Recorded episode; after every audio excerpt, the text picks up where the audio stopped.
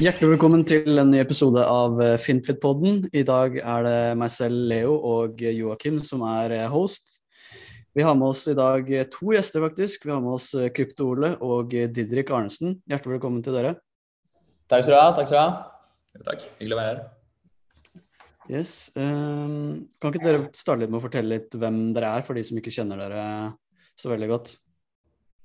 Jo, det kan vi gjøre. Jeg kan egentlig starte, jeg. Mitt navn er eh, Didrik. Jeg er 26 år gammel, bor i Fredrikstad. 1996-modell. Uh, eh, tja, hvor langt tilbake i tid hvor vil vi, på en måte? Jeg uh, har jo spilt hockey hele livet mitt. Hele ungdomskarrieren min. Uh, spilt på et av Norges beste juniorlag, faktisk, i Stjernen. Avslutta mm. karrieren med NM-gull når vi var 20 år gamle. Eh, jeg gikk på Vang toppidrett på videregående.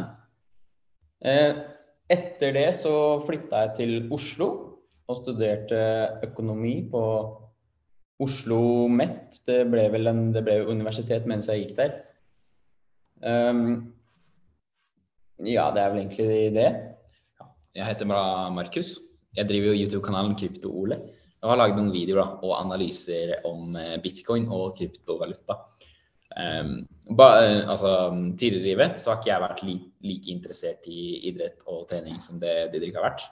Men um, jeg kom jo da og ble introdusert for uh, trening og den slags uh, litt senere på tiden på ungdomsskolen. Og så starter jo egentlig alt når uh, Didrik begynner å interessere seg og kjøpe bitcoin og sånn. Og da starter egentlig interessen for ikke bare krypto, men finans og penger generelt. Ja, det skal jo sies at jeg spiller ikke hockey nå lenger. Jeg måtte jo gi meg da jeg valgte karriere si, som økonom i, når jeg flytta til Oslo i 2016. Og etterpå det så er jo Jeg interesserer meg veldig for eh, helse og trening. Jeg trener stort sett hver dag eh, på morgenen halv seks om morgenen før jeg drar på jobb. Eh, jeg tror at det å ta vare på helsa si er noe av det viktigste vi gjør her i livet. Mm. Og min økonomiske interesse vil jeg jo si det kommer kanskje fra faren min. Jeg kan gi han litt skryt oppi alt dette her òg. Han, eh, han, er også økonom, økonom. Driver sitt eget uh, firma. Og han har uh, Jeg vil si han har oppdratt både meg og broren min. Jeg kan jo egentlig bare snakke for meg selv, da, men basert på hvordan uh, broren min oppfører seg, så vil jeg si han har oppdratt oss veldig bra. Og lært oss å sette pris på de riktige tingene i livet. Så det er jo der på en måte karrieren min starter, da, gjennom min far. Og jeg valgte å utdanne meg som økonom, og nå jobber jeg i selskapet hans også, i et selskap som heter Multifood. Der driver jeg med alt mulig, eh, fra kundestatistikker til salg, eh, kjøre lastebil hvis det er sykdom, alt mulig. En slags potet der. Ja. ja, så interessen for kryptovaluta kom etter måte, introduksjonen for sparing og økonomi generelt, da? Jeg har jo alltid interessert meg for penger, avkastning, hvordan man tjener penger og sånn. Og Interessen for kryptovaluta kom vel først og fremst i 2017 der. Fordi det bullrunnet som var i 2017, da når bitcoin gikk fra bare noen hundre dollar til 20 000, da var det nesten umulig å ikke lese noe om det. Det sto jo i forsiden på alle landets aviser nesten daglig når den steg flere hundre prosent på 20 timer. Sånn. Så det var liksom min første introduksjon til kryptovaluta. Problemet da var at jeg fikk informasjonen min fra uh, mediehus som VG, Dagens Næringsliv, Aftenblad, uh, you name it. ikke sant? Og de har ikke den samme kunnskapen og informasjonen. Så gjennom de mediene så fikk jeg et litt feil bilde av det. Jeg tenkte at det her er jo bare svindel, et slags pyramidespill.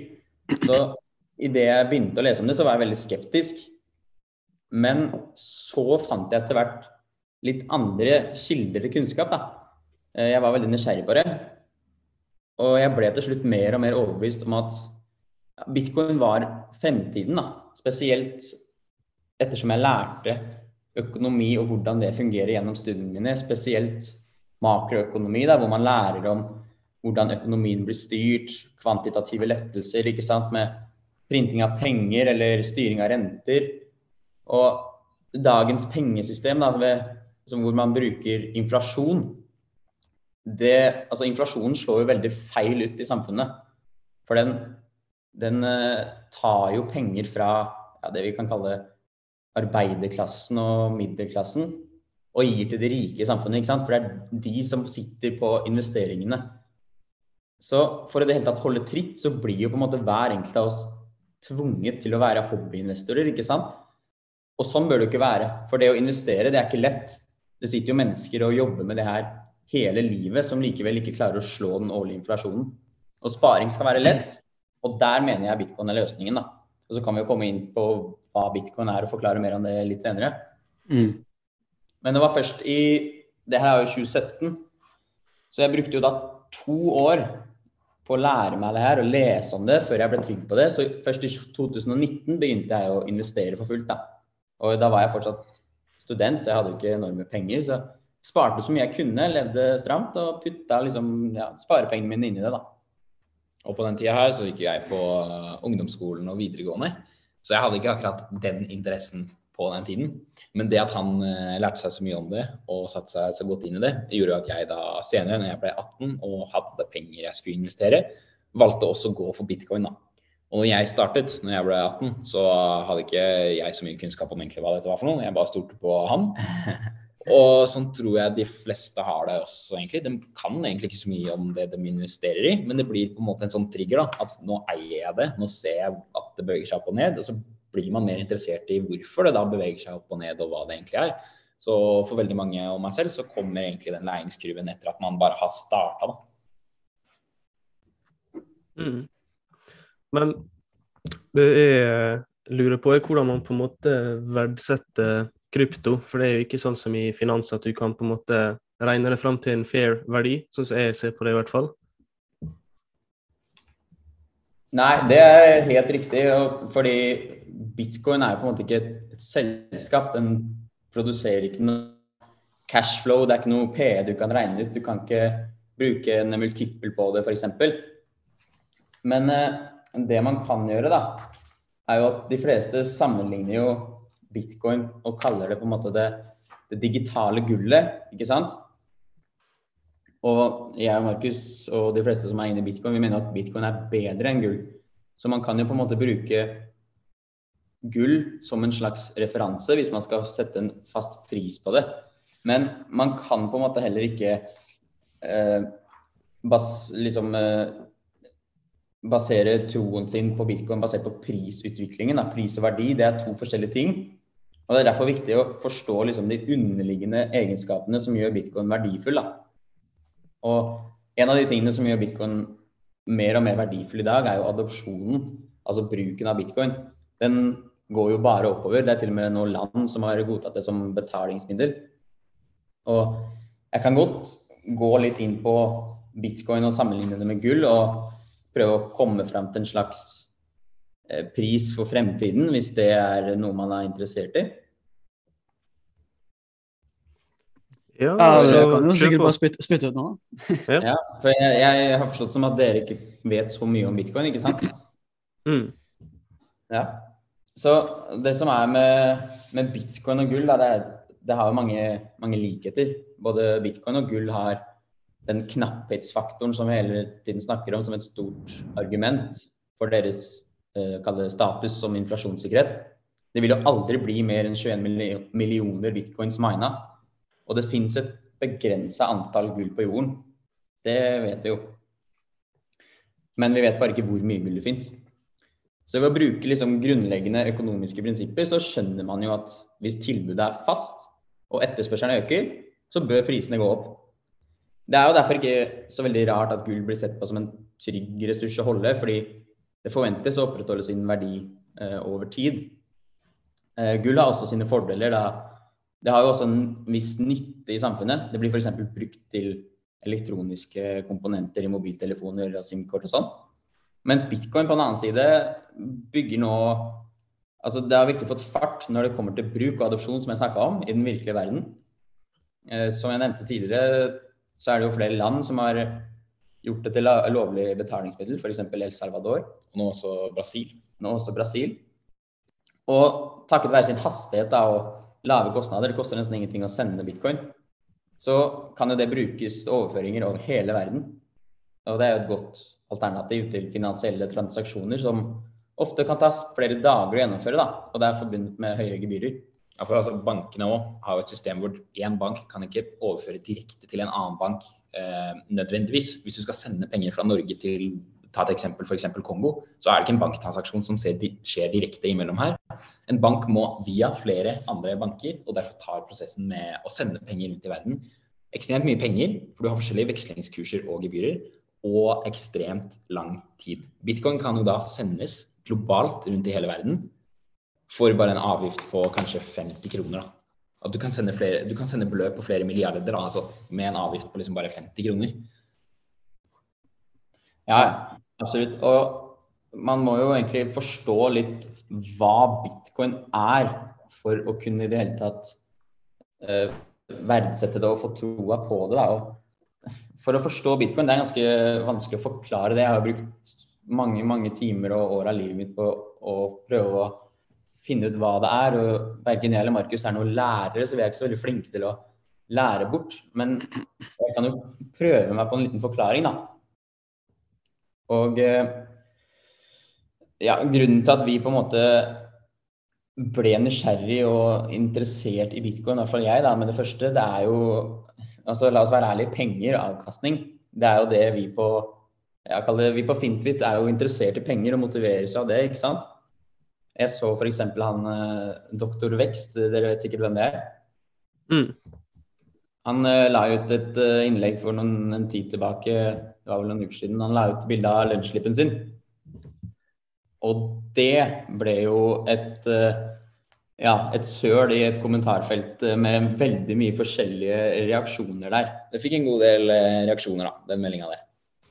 Og det er jo litt sånn når man ser i, i kommentarfeltet der, så det sier mye om mindsetet til folk. da. For enten så blir du sjalu, eller så blir du inspirert.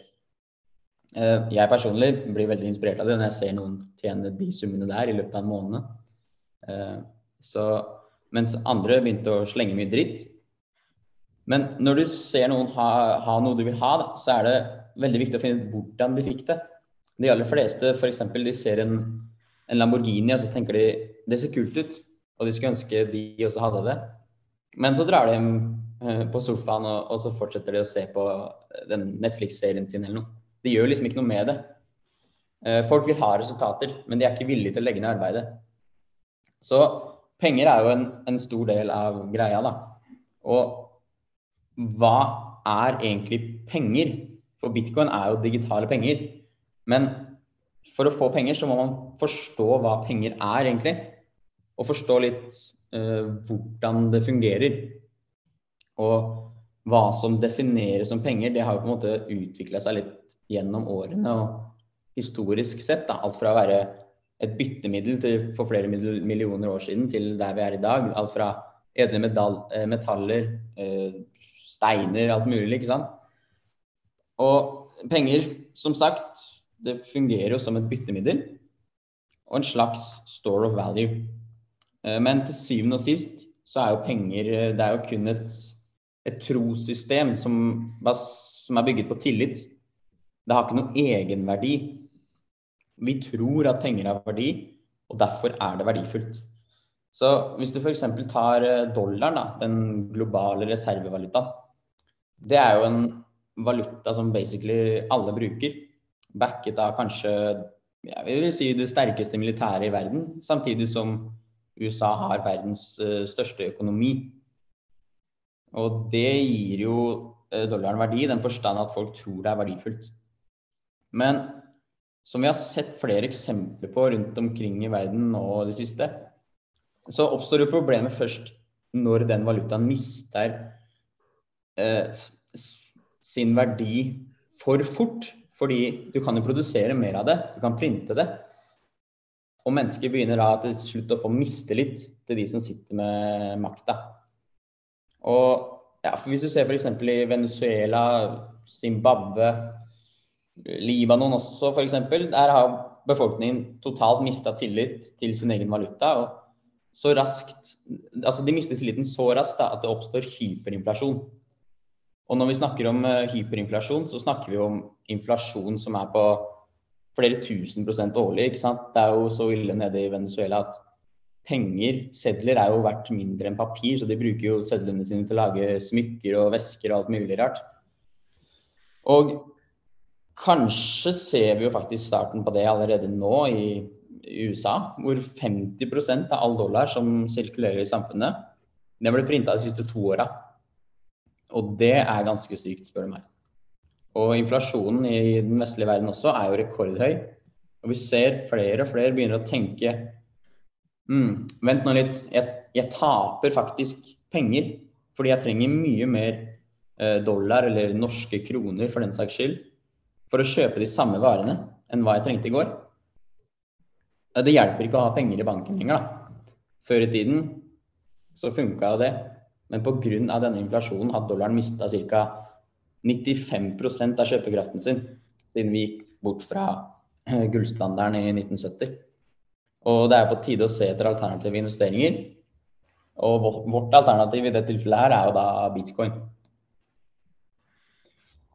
Um, ja, så det var litt Men, om uh, vi ser her, da.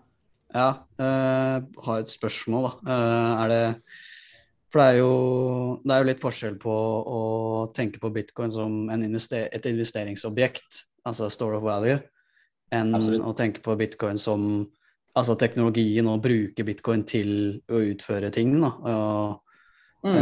hva, hva, er det dere tenker, tenker dere at hvis man ser økt bruk av den teknologien der, at prisen nødvendigvis vil følge, da? Eller er det Hva tenker dere er mest interessant der, da? Eh, som jeg også sa tidligere, da, så er jo den er jo deflatorisk. Altså det kan aldri bli mer enn 21 millioner bitcoin. Ikke sant? Så da, hvis vi bruker de matematiske begrepene igjen, så vil etterspørsel, jo flere som bruker det, det vil jo gjøre at prisen øker, fordi det blir bare færre og færre bitcoins tilgjengelig på markedet. Så det er jo en prisdriver i seg selv, at flere og flere tar det i bruk. Jo flere som uh, bruker det, jo vanskeligere blir det å få tak i. Rett og slett. Ja. Rett og slett. Um, ja. Og den andre, andre måten er jo at ja, vi sier jo at bitcoin er digitale penger, ikke sant. Og hvis jeg skal forklare det på en enkel måte, så vi kan faktisk bruke monopol. Jeg regner med at alle har spilt Monopol, det brettspillet. Ikke ja. sant? Så si vi fire sitter og spiller, da. Og så får vi jo utdelt noen penger til å starte med. Og resten oppbevares i banken. Eh, det er på en måte ingen som styrer banken i spillet. Den blir styrt av alle oss som spiller. Så hvis jeg slår terningen og passerer mållinjen, så vil jeg jo få utdelt si 300 kroner, da. Og alle som sitter rundt bordet, kan se at jeg mottar disse pengene og setter de i min bank. Det samme gjelder dersom du kjøper en eiendom, altså du kjøper Sinsen av meg, eller jeg kjøper en eiendom av deg. Overføringen i spillet de gjøres offentlig og åpent, slik at alle kan se det. Og pga. det her så trenger vi ikke en tredjepart til å kontrollere at overførslene blir gjort på riktig vis. Vi trenger liksom ikke at foreldrene våre henger over oss når vi spiller og sier eh, OK, Didrik, gi Markus de 200 kronene du skiller han nå. Eh, og i det gamle Fiat-systemet, eller den virkelige verden vi lever i i dag, så er det ikke slik. Her blir hver eneste transaksjon som gjennomføres, overvåket av en, uh, en, en sentral tredjepart. Derav vi kan kalle det banken. Dvs. Si at hvis jeg vil gi Markus penger, så kan ikke jeg gi de direkte til han. Jeg må gi de til den andre som igjen gir, den, gir de videre til han. Eh, de prosesserer da på en måte transaksjonen, da, kan man si. Så når jeg og Markus skal eh, gjennomføre den trans transaksjonen, er nødt, så er vi nødt til å stole på at denne tredjeparten, altså banken, gjennomfører transaksjonen. Og det går jo som regel veldig fint, spesielt her i Norge. Men det er jo noen tilfeller at det ikke alltid går slik vi ønsker. Eh, F.eks. banken kan gå konkurs. Eh, de kan stjele, eller de kan mene at vi ikke står inne for de riktige tingene, eller Markus kan si noe feil i en podkast. og Han passer liksom ikke den profilen deres, da, så de nekter oss å overføre penger. Og slike ting skjer faktisk nesten hver eneste dag. Og vi har flere eksempler på det i, i nyere tid. Eh, jeg kan jo ta f.eks. Jeg vet ikke om dere fikk med dere det som skjedde nede i Canada og USA med disse lastebilsjåførene under koronapandemien? Nei Jeg har ikke Altså, hørt om det. Eh, Greia er at eh, det var jo masse lastebilsjåfører nede i Canada og USA hvor eh, de canadiske politikerne ville innføre strengere grensekontroll på alle som passerte grensa. Du ble krevd å ha grønt koronapass, altså du måtte være vaksinert for å slippe inn i landet.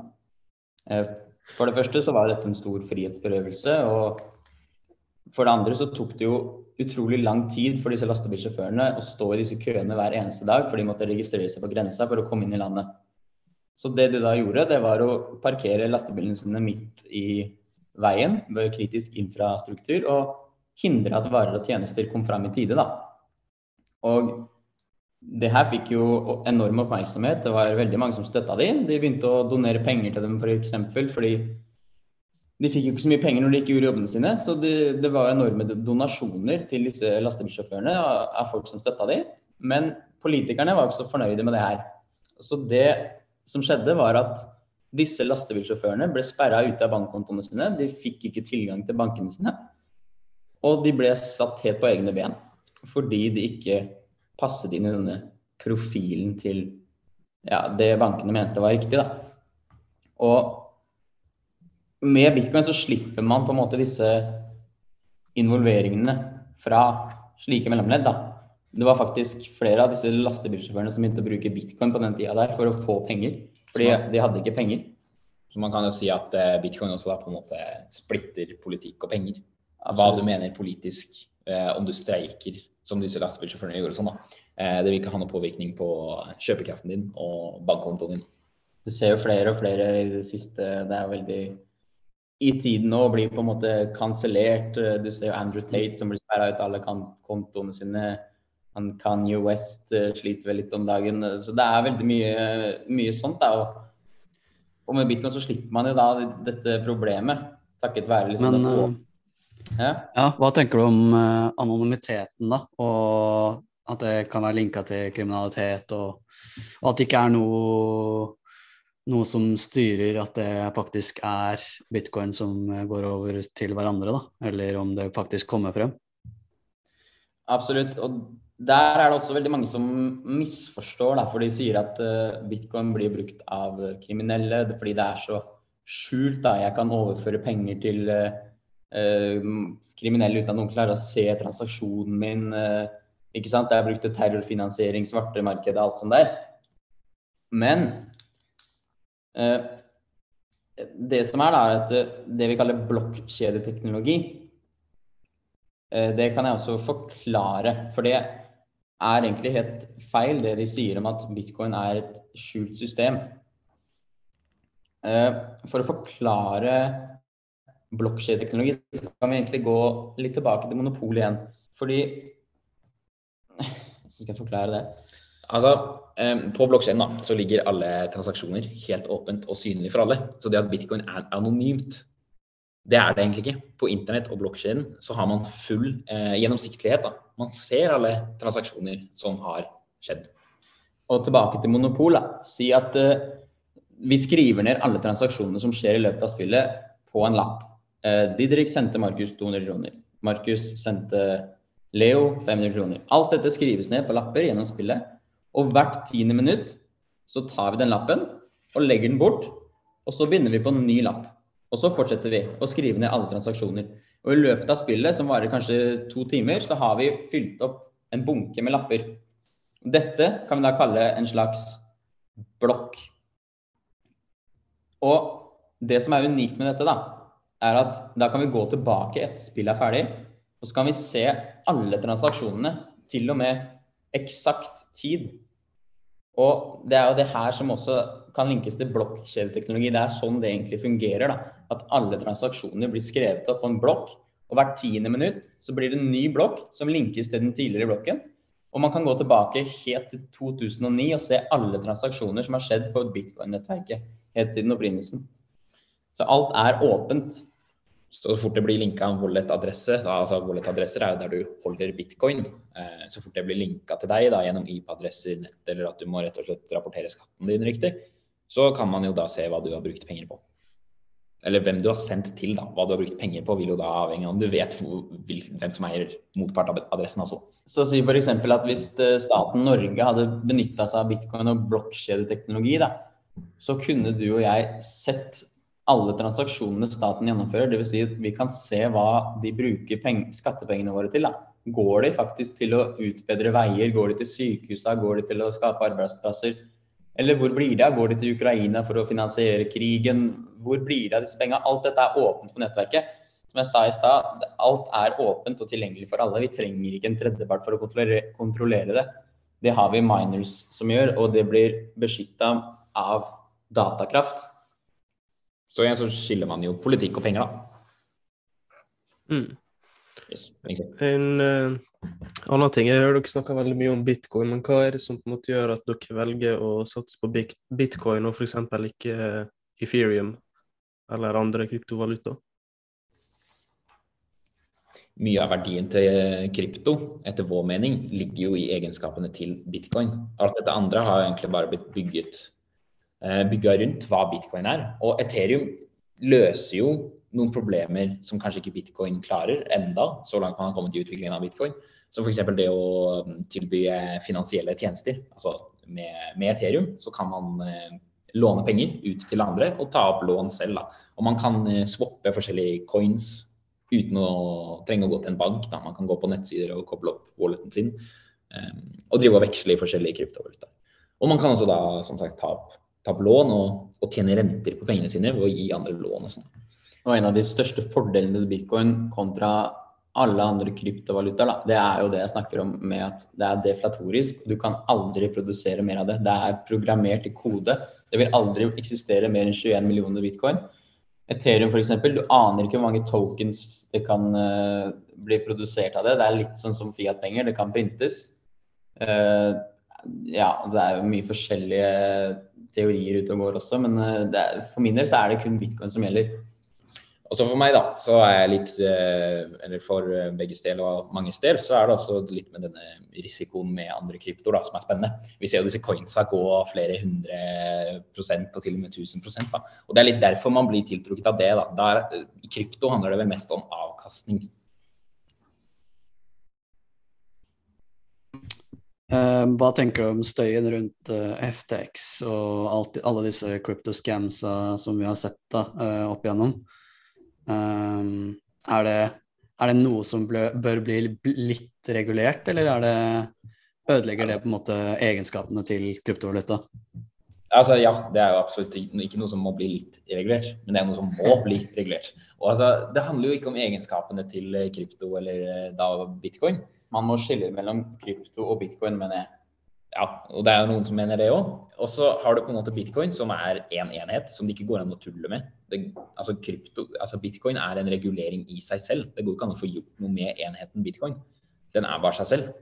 Men du får denne sentraliserte industrien rundt, eh, som ofte kan være kryptoprosjekter eller spesielt kryptobørser. Hvor du da, i stedet for å holde bitcoin din selv da, og benytte seg av egenskapene som eksisterer der, så lar du noen andre holde bitcoin for deg.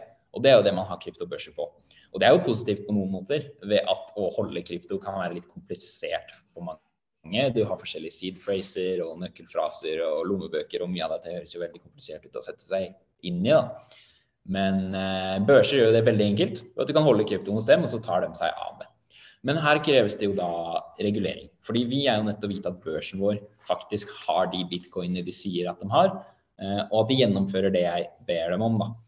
Og Det er jo det FTX eh, løy om, at de hadde. De sa jo at de var kjemperegulerte, og de hadde til og med en avdeling i USA. Men det viser seg jo at hele FTX egentlig bare var en ponzi-skim og en scam. De hadde ikke de bitcoinene de sa de hadde.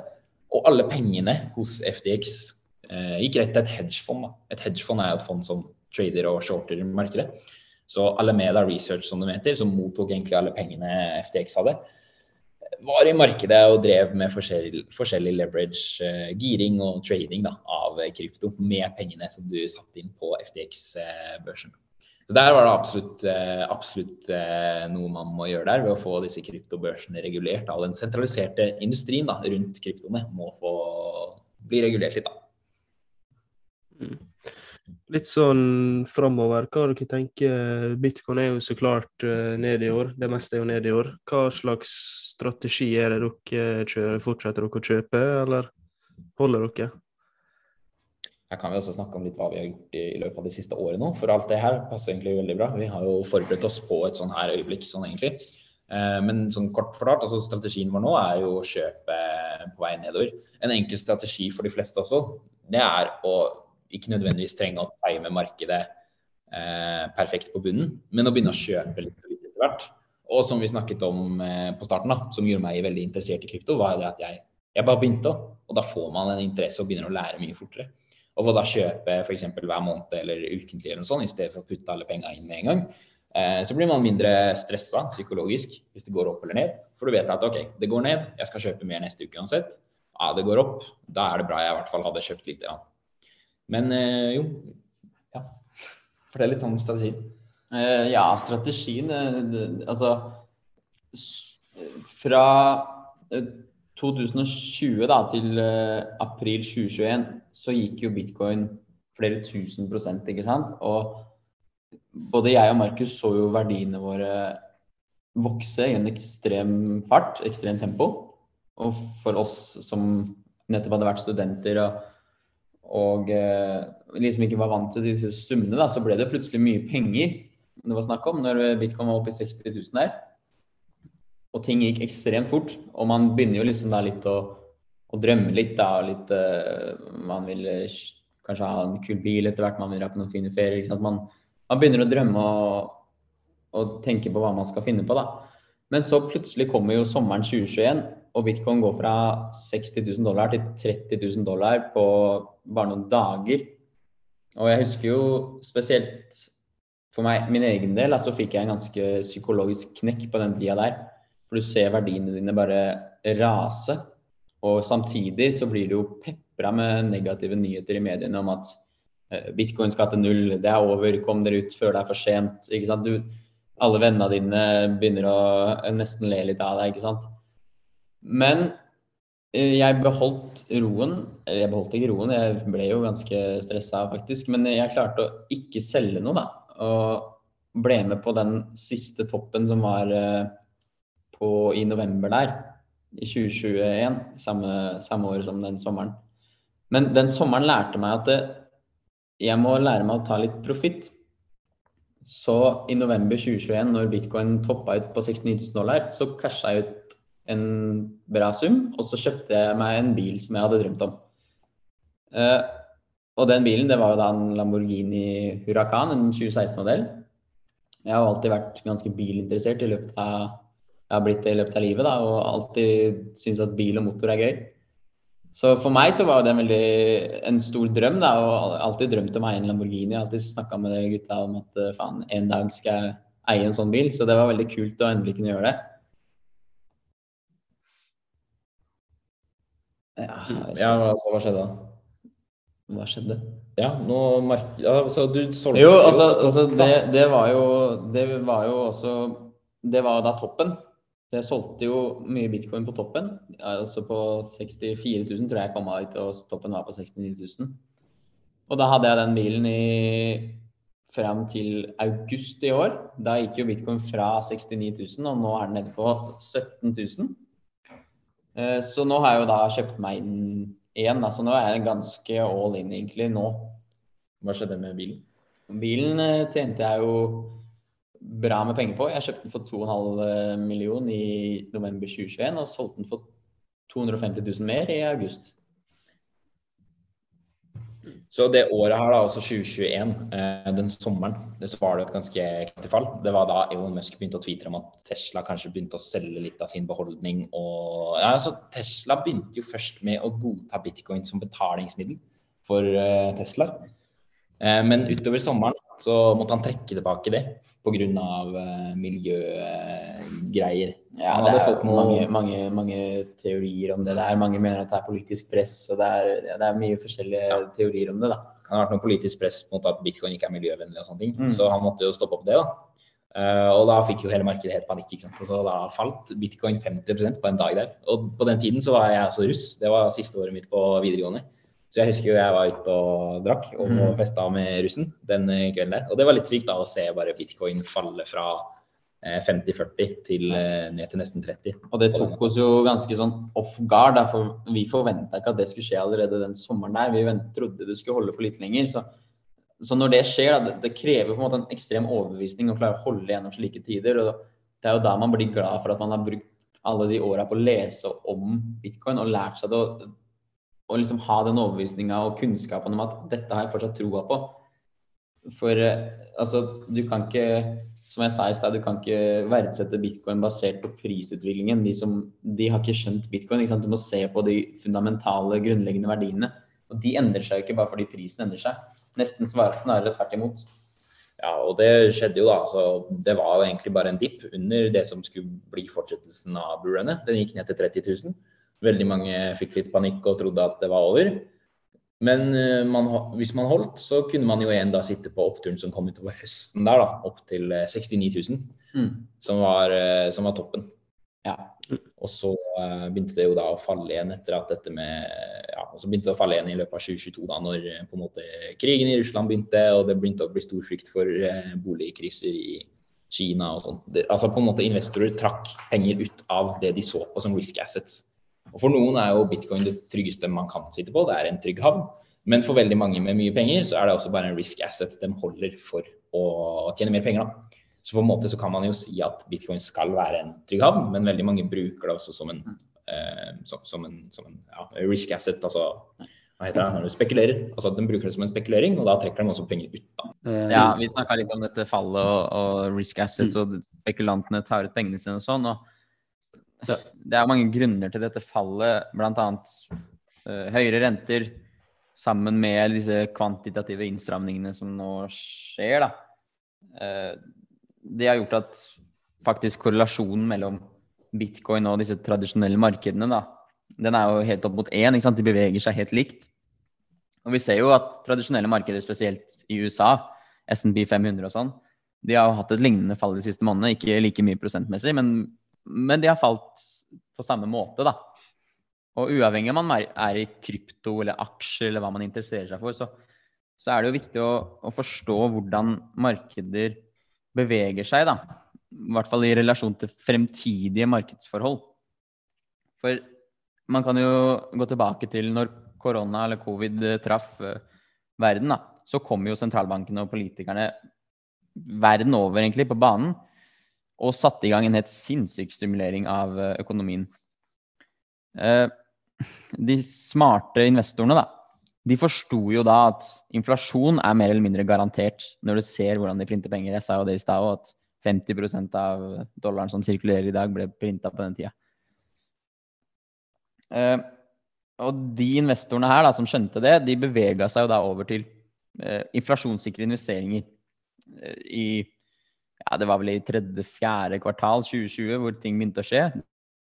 Og det er før inflasjonen begynte å vise seg på, på de offisielle KPI-ene. Det var ingen som snakka om inflasjon i, i, i 2020. Det begynte å komme nå på slutten av 2021 og i 2022. Det er nå vi først leser om inflasjon. Og, og blant de inflasjonssikre investeringene, da, så var jo bitcoin helt klart den store vinneren. Prisen gikk fra ja, omtrent 10 000 dollar til 60 000, som jeg sa i stad, på bare noen måneder. Så med andre ord, investorene de, de venter jo ikke på at inflasjonen skal vise seg, for så å flytte kapital. De flytter den basert på en forventning om at den kommer. Fordi altså, både jeg og Markus vi har jo fått utallige DMs fra, fra skeptikerne nå, ikke sant. De ser jo inflasjonen er rekordhøy, samtidig som bitcoin går ned, og de bare eh, Hvorfor går prisen på bitcoin ned mens inflasjonen går opp? Hele narrativet om inflasjonssikkerhet har jo feilet, sier de hele tiden. Men det er jo feil. For bitcoin og andre eiendeler de krasjer nå fordi investorene de forventer at inflasjonen skal begynne å avta eller synke i tidene som kommer. Altså Vi tror jo at inflasjonen nå nærmer seg en topp. Vi får i hvert fall håpe det. Hittil så har det vært en topp. Det har jeg fulgt på YouTube-kanalen det begynner å roe seg nå, ikke sant. Og, eh, de skjønner jo hva Fed, eller det er jo også sentralbanken i USA, hva de driver med. Og de flytter jo da kapitalen i forkant av resultatene. Disse investorene de venter jo ikke på at forholdene skal, eh, skal vi kalle det, materialisere seg og bli perfekte. De flytter kapital basert på hva de forventer vil skje, slik at de kan dra nytte av de økonomiske fordelene det innebærer. Og det er en grunn til at vi ofte sier 'don't fight the Fed' i investeringssammenhenger. Eh, Bitcoin økte jo nesten 1000 tror jeg, fra januar 2020 til november 2021. Og nå er den jo ned eh, ja, nesten 80 Og det er basert på en forventning om kommende innstramminger i økonomien. Så det vi på en måte har funnet ut, er at må, vi må følge med på markedsaktørene. Ikke høre på økonomene og de som er ute i dagens næringsliv og, og kommer med analyser. Fordi markedsaktørene de er vanligvis to steg foran. Så bitcoin har på en måte vært den beste inflasjonssikkerheten å investere i. Men nå priser vi inn et annet miljø. Så det blir veldig spennende å følge med hva som skjer de neste månedene nå, hvis inflasjonen faktisk viser seg å ha toppa ut. Ja, helt klart. Så vi får jo egentlig rett og slett bare ta oss og følge opp med en, en ny episode om uh, noen måneder, og så se. Kanskje man har et studio å kunne være i òg. Så Ja, det Nei, men uh, ja, tusen hjertelig takk for at dere ville være med på en episode, gutta. Så jeg ønsker dere lykke til videre, og så ses vi vel uh, om noen måneder. Så kan vi ta en oppfølging. Håper på det. Det var hyggelig. Og det her Ja. ble jo veldig fint òg. Vi fikk snakka litt om egentlig egenskapene og sånn til, til bitcoin. Det er litt kult, for det er ikke ja, Eller det er veldig bra. Det blir jo en episode på en måte for folk som er litt interessert i, i, hva, i hva dette går ut på og sånn. Mm. Følte jeg lærte mye, faktisk. Sikkert at noen som hører på, skjønner litt mer om eh, bitcoin og krypto eh, kun etter den. Det var jo det vi ønska. Å, å informere litt om hva det han dreier seg om. For det er veldig mye misinformasjon der ute, og jeg har jo kjent på det vi har selv. satsa sånn på det. Da. Ja. Uh, også når det gjelder opplæring og sånn, så er det derfor jeg på en måte har satsa på YouTube òg. At uh, jeg ser at det er mye eh, misinformasjon der ute, og mange som lurer ja, Det er mye misinformasjon der ute, da, og mange som lurer på veldig mye. Så jeg starta den YouTube-kanalen da, for å prøve å forklare litt begreper og hvordan ting Ja. fungerer. Og det er begreper, det er viktig at du nevner det. fordi som Jeg studerte økonomi, så jeg kan jo mye av begrepene. og meste av informasjonen som er om bitcoin på internett, er jo på engelsk i tillegg. Så du har økonomiske begreper på engelsk, og det gjør det jo gresk for veldig mange. Så en norsk YouTube-kanal som forklarer alle disse begrepene, tenkte vi at det må jo være gull verdt. Og det har jo vært populært til nå, i hvert fall. Ja, det, det går bra. Det går bra. Så eh, det er altså gøy å holde på med. Det er det. Um, ja. Ja, men eh, gode greier. Da takker jeg bare til dere som lyttet, og så høres vi i neste episode.